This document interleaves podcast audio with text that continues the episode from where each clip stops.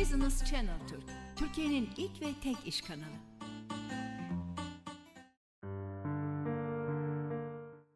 Sevgili seyirciler, bendeniz Savaş Kalapat. Şimdi bugün bir beyefendiyi konuk alarak aldım. Kendisi serbest muhasebeci ve mali müşavir. Şimdi ama öncelikle şunu soracağım size. Şimdi bu Elon Musk'ın insan beynini eleştireceği çip konusunda ne düşünüyorsunuz? Hadi teknoloji tabii teknolojik bir şey. O diyor ki Elon Musk diyor ki işte Alzheimer'a iyi gelecek, diğer hastalıklara iyi gelecek işte ve bir- birçok şeyi çözeceğiz diyor. Teknolojinin bir görünen yüzü var, bir de korkutan yüzü var. Şimdi bir- birçok insan dedi ki ya bizim artık bizleri mi kontrol edecekler, bizi robota mı dönüştürecekler? Ama teknoloji aldı başını gidiyor. Hayatımızın her aşamasına girdi.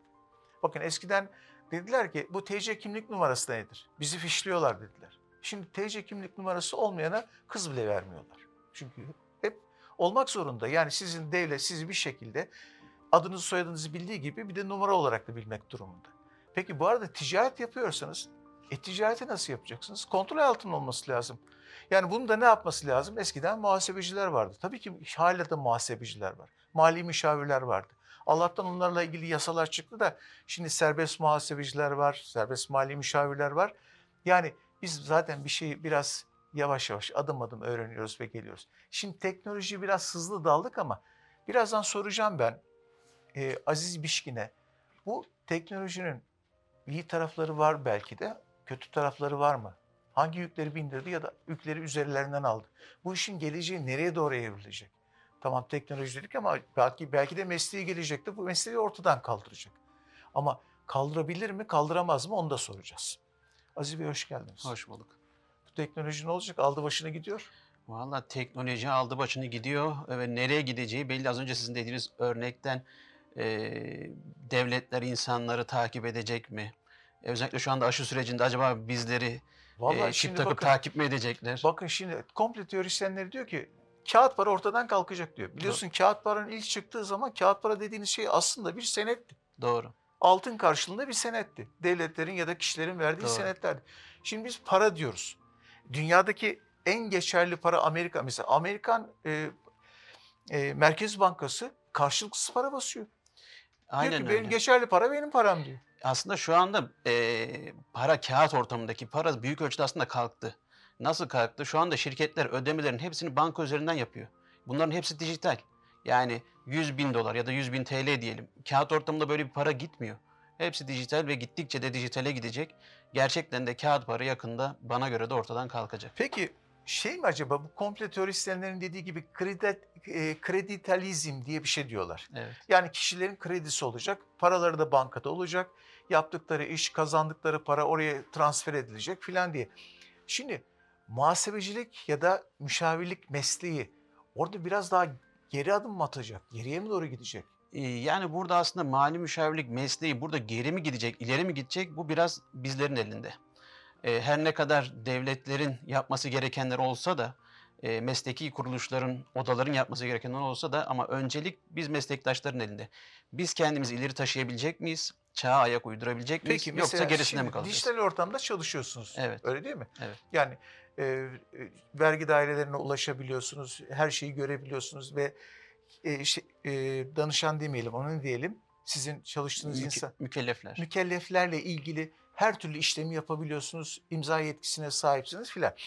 Şimdi bu iyi bir şey mi? Yani Yani eskiden hamallık mı yapıyordunuz? Şimdi mesela daha mı e, atak oldunuz? Daha mı şey? Çünkü ben de çocukluğumda muhasebecinin yanında çalışmıştım. E, biliyorum ne olduğunu. De, doldururken bir sürü fiş gelirdi, doldururduk bilmem. Hesaplar, defterler ayrı bilmem. Onların e, şey muhtasarları ayrı verildi filan. Gerçi hala da veriliyor ama onu dijital Doğru. ortamda verince ya iş biraz kolaylaştı mı diyor. Şöyle kolaylaşmayla ilgili 99 yılında ben ilk bu mesleğe lise stajımda başladığımda e, biz mükelleflerin beyannamelerini elle dolduruyorduk. O dönem için e, bir yazılım çıkmıştı. Bu elle doldurmak yerine gene rakamları biz girerek bilgisayar ortamında yazıcıdan çıktı alma. Ve bunu ücret ciddi bir ücret ödeyerek almıştık. O zaman için bize büyük bir gelişmeydi bu. E, şu anda geldiğimiz noktada ise e, bırakın beyanname doldurmayı tamamen muhasebeyle ilgili her türlü işlemi bilgisayarlar otomatik yapabiliyor. Muhasebe kayıtlarını Yazılımlar yapabiliyor. var. Evet. Yani e, zaten e, şu anda geldiğimiz noktada faturaların çoğu e, mesela belli kriterler var. 5 milyon TL üzeri olanlar, belli başka kriterlere sahip olanlar hatta bunlara uymayıp da e, normal bir mükellefin de 5000 TL vergi mükellefine keserse e, normal birisine ise 30 bin TL vergiler dahil kesici her fatura artık elektronik. E, bunun dışında yakın bir zamanda elektronik tahsilat makbuzları, elektronik sigorta poliçeleri falan da yürürlüğe girecek. Her şeyimiz elektronik. Bir anlamda evet hayatı kolaylaştırıyor. Mesela şu anda az önce dediğiniz gibi biz vergi dersine belki artık %80 oranında gitmiyoruz. Gitmiyorsunuz değil Gitmiyoruz. Vergi dairesi kendi sistemini geliştirdi. Her şey bilgisayar ortamında. E, vergi dairesinde yazışmamızı, başvurumuzu her şeyi orada yapıyoruz. Bu anlamda çok güzel. E, mi? Valla hukuk sistemi de ona doğru gidiyor. Tabii Adli- UYAP, adli- vatandaş UYAP sistemi var artık giriyor. Kendi hakkında yapılan her türlü işlemi koyulan evrağı direkt orada görebiliyor. Bu anlamda çok güzel. Ama işte burada biz ona ayak uydurabilecek miyiz? Nereye gideceğiz? Peki iyi mi oldu kötü mü oldu? Onu sorayım. Eğer kendimizi geliştirebilirsek çok daha iyi olur. İyi oldu diyorsunuz. Çünkü yani. bizim mesleğimiz öze- me- özellikle bizim ülkemizde maalesef e, yeterli derecede önemli görülmüyordu. Avrupa ülkelerinde mesela bir, o zaman yani oranın mali müşavirlerine randevuyla gidilebiliyor. E, saatlik danışmanlık ücreti verilebiliyor ama bizim burada öyle değil. Yani gece 12'de 1'de bile bizi arayıp bir şey sorabiliyorlar. Çünkü maalesef biraz gerideydi itibar, açı- itibar açısından. E, şu anda bakacak olursak eğer biz burada kendimizi geliştirebilip çağa ayak uydurabilirsek e, çünkü burada piyasanın büyük bir ihtiyacı var. E, ne gibi büyük bir ihtiyacı var? E, şu andaki mükellefler teknolojiden yani sahipleri ya da çalışanları uzaklar. Burada hem yazılım konusunda hem onlara danışmanlık konusunda hem yönlendirme konusunda hem de finansal konularda da ne kadar da yardımcı olursak firmalar için de Şimdi iyi. aslına bakarsanız Bizim siz, için de. siz hem danışmanlık yapıyorsunuz değil mi? Evet. Mesela akıl veriyorsunuz. Diyorsunuz Tabii. ki şöyle yapın, böyle yapın filan diye. Şimdi her mükellef şey olmayabilir. Elektronikten alınabilir. Mesela şimdi adam 50 yaşında, 60 yaşında kuşakta adam te- cep telefonunu doğru düzgün kullanmıyor. Kaldı ki bu sisteme girecek de verileri işleyecek de vesaire vesaire yani. Evet. Ya işte burada e, şu anda öyle ama yakın bir gelecekte yani şu anda 60 yaşındakiler falan Facebook'a, WhatsApp'a falan mesela rahat rahat kullanıyorlar. Bu sistemi onlar tamamen öğrendiklerinde biz ne olacağız? Mali müşavirler ne olacak? Yani bu işin dışında mı kalacağız? Farklı bir Valla boyuta mı evrileceğiz? siz bir 30-40 yıl daha gidersiniz. Sizin meslek gider. 30-40 yıl için söz veremem ama, Ama, ya biz- görünen o ki yani teknoloji acayip ilerliyor. Ama çok hızlı ilerliyor. Yani Evet. şu anda pandemi sürecinde gördünüz mesela dünya genelinde bütün öğrenciler artık e, birebir yüzüne online. Tabii. E, çalışanlar mesela bankalara falan bakıyoruz şu anda evden hizmet veriyorlar birçok şube. Valla benim ben mesela büyük bir sitenin e, yönetim kurulu başkanıyım. Bana şey yapıyorlar. Mesela banka telefon açıyor. Kadın evinde. Diyor ki şöyle ödemeleriniz var diyor. Şunu onaylıyor musun? Onaylıyorum diyor filan. Şimdi artık eve geçmişler. Evde evde birçok sektör şu anda dediğiniz gibi yapabilen hani uygun olan e, fiili çalıştırmayı gerektirmeyen sektörler evden hizmet veriyor.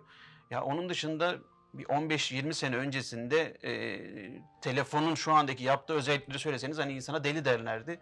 Şu anda oturduğumuz yerden dünyanın öbür ucundaki haberden haberimiz oluyor. Tabii. Hiçbir yere gitmeden yemek siparişi verebiliyoruz. Tabii. Çok hızlı bir gelişim var.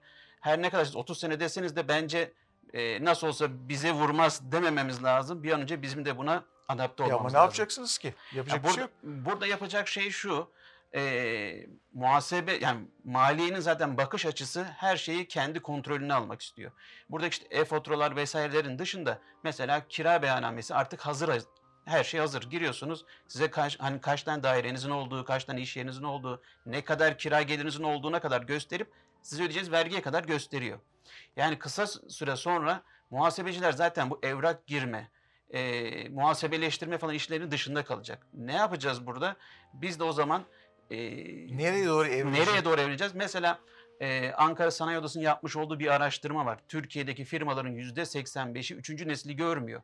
Ya batıyor ya kapanıyor. İşte biz burada danışmanlık, denetim gibi e, o kısımlara yönelmemiz lazım. Çünkü dediğim gibi kayıt süreci artık O bitiyor. zaman şey mi? Mali müşavirlik kısmı galiba biraz. Evet. olarak değil yani mi? esasen orada çünkü firmalara aslında en iyi hizmeti bu konuda verebilecek kişiler mali müşavirler. Evet aslında çok doğru teşhisiniz var. Evet piyasanın çünkü içindeler. Mesela bir firma düşünün sadece tekstille uğraşıyor ama mali müşavir belki ofisinde 10 tane firma e, farklı sektörle uğraşıyor. Piyasanın içindeler, piyasanın Hem altındalar. öngörüsü hem Evet tecrübesi. mesela hem bize de- genelde gittiğimizde direkt şunu sorar. Piyasa nasıl?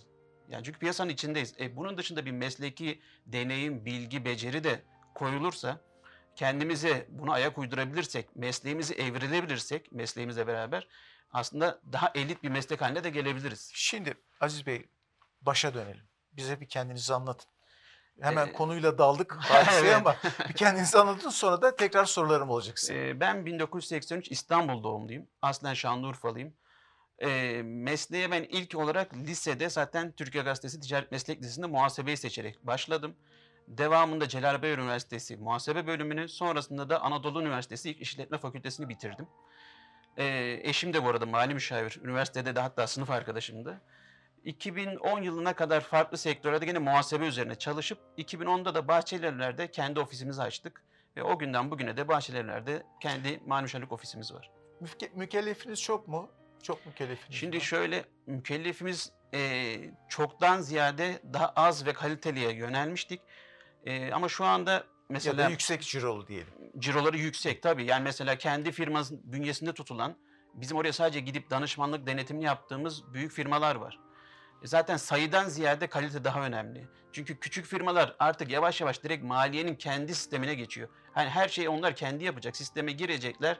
Bir Beyannameleri bu- görüp bir de yaz- onaylayacaklar. yazılımlar var bu konuda Evet. biliyorsunuz. Aynen öyle. Ve bunu maliye kendi yapıyor. Hızlı bir şekilde yapıyor.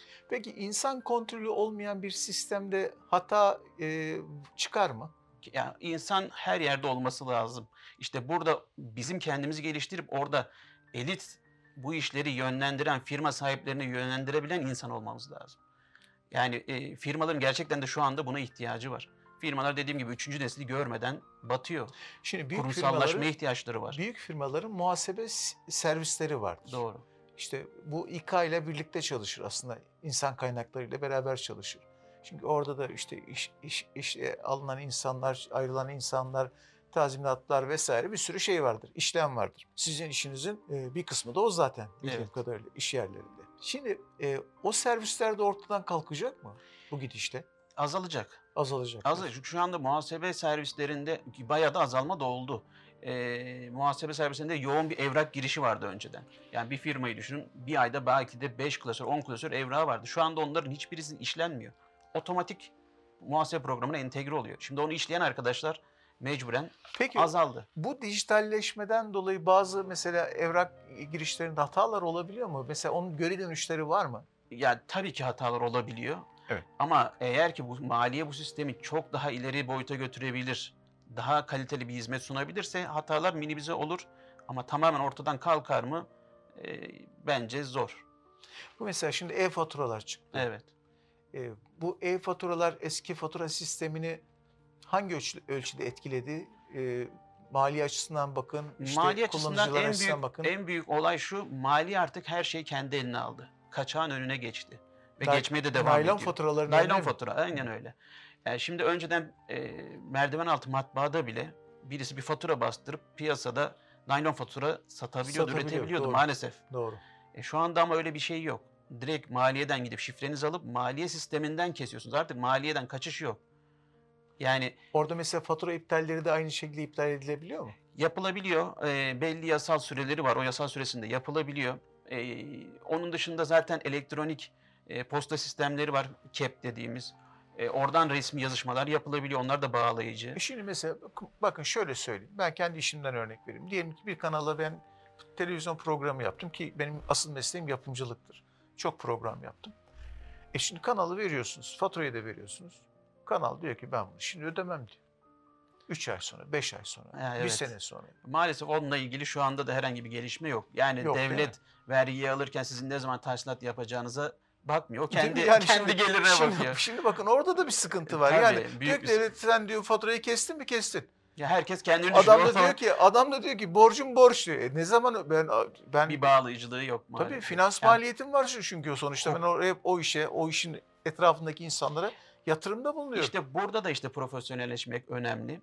Ee, ne gibi? Siz mesela o kanalla e, resmi bir sözleşme yapsanız, oraya belli Hepsinde şartlar sözleşme koysanız, var. Bakın cezai şartlar konulsa, vallahi hepsi var. Şimdi kanal işte diyor ki noktalar. kardeşim diyor benden başkasına nereye gideceksin ki diyor. Türkiye'de kaç tane kanal var? Evet, doğru. Büyük kanalı 7 tane 5 tane kanal var. 5 kanalın diyor. Şimdi kanalı sen mahkemeye versen bir daha o kanala iş yapamazsın ki. Ya doğru, Seni kara listeye alır. Doğru. Ya bizde de şu anda işte muhasebede e, mükellefinizi dava etseniz ki Zaten mükelleflerin çoğu da o mükelleften gelen kişiler genelde oluyor. Hani E biri yani, birine tavsiye değil mi? ediyor. Bir de öyle bir şey Onu var. da yapamıyorsunuz. Maalesef böyle bir durum var. Vallahi yani e, sıkıntılı işler biliyor musunuz? Evet. Peki mesela mali müşavirler dediğiniz gibi firmalara danışmanlık yapabilir. Yani ki galiba biraz da oraya doğru evrilmeye başladı herhalde tahmin Doğru. ediyorum. Böyle küçük Evrilmesi işletmeler değil de e, o zaman doğru bir şey aslına bakarsanız. Doğru bir şey.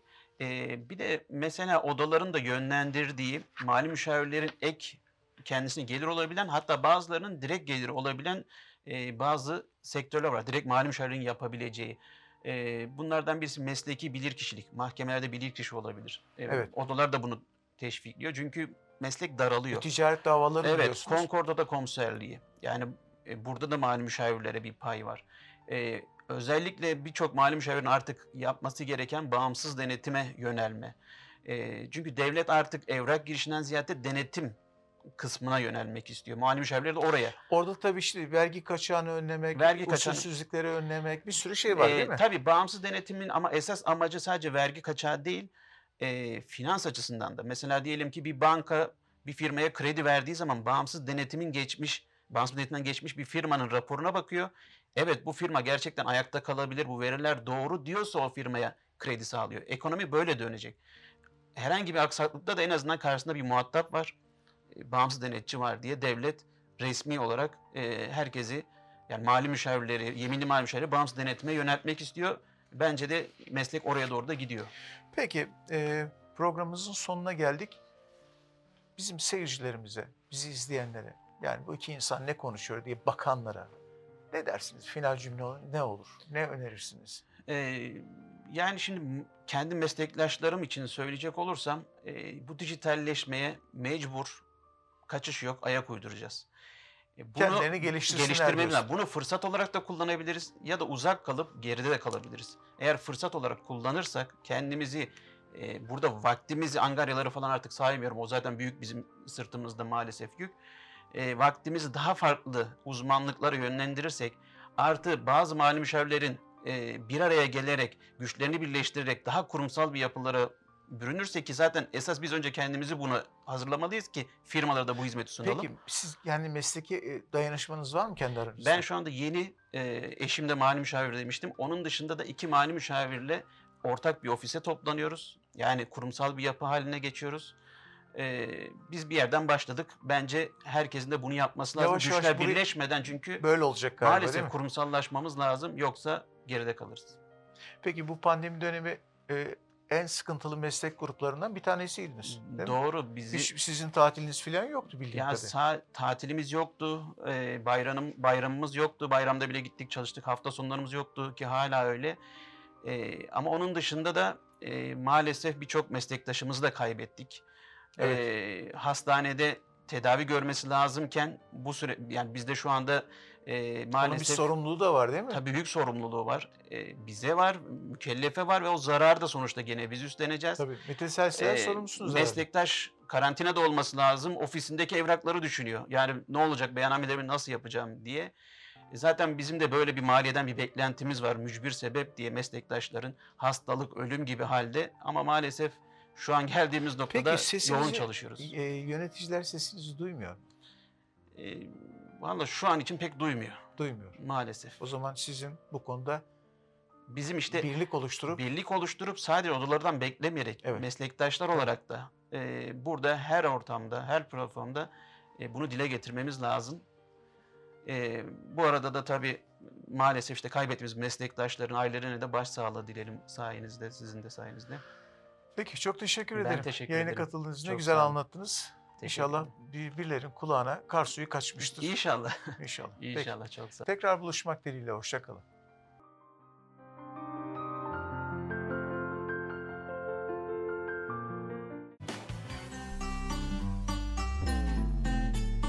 Business Channel Türk, Türkiye'nin ilk ve tek iş kanalı.